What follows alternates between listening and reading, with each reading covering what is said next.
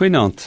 Ons sluit vanaand af hier teen die einde van die week die reeksie wat ons gedoen het oor die disippels van die Here Jesus. Ons het mooi stories gehoor van Petrus die rotsman wat voete van klei gehad het en vir wie die Here Jesus herstel het en vir hom weer gesê het: "Het jy my lief?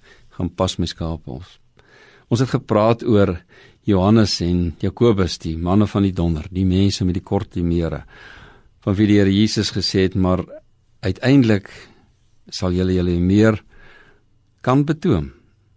En hulle word dan ook die een van die disippels van die Here Jesus vir wie hy lief is, Johannes en Jakobus, die eerste martelaar. Ons het gedeel met mekaar van Nathanael en Thomas, die ouens wat getwyfel het, wat onseker was oor die Here Jesus en weer hoe hulle geloof versterk is.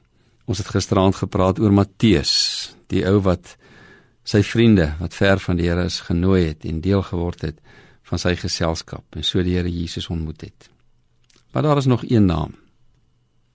Een van die 12 van wie daar staan Judas Iskariot wat die Here Jesus verloon het.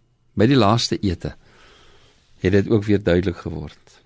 Toe die Here Jesus vir hulle sê, ons lees dit in Matteus 26, dit verseker ek julle, een van julle sal my verraai.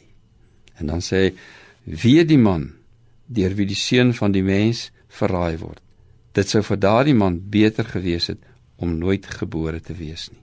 Harde woorde. En dan vra Judas, sy verraaier, is dit miskien ek? Jesus antwoord, dit is soos jy sê. Dis hartseer, nee.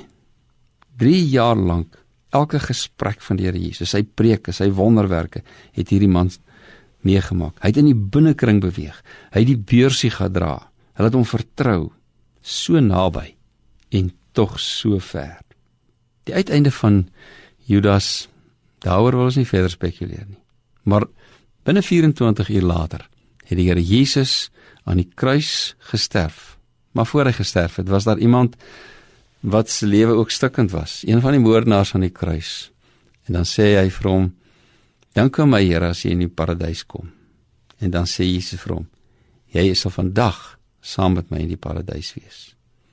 Judas Iskariot al die geleenthede het weggestap. Hierdie man sy laaste oomblik en die Here sê saam met my. Wat maak jy met jou geleenthede? Wat sal eendag van jou gesê word? Vandag kan jy saam met die Here in die paradys wees vir ewig. Amen.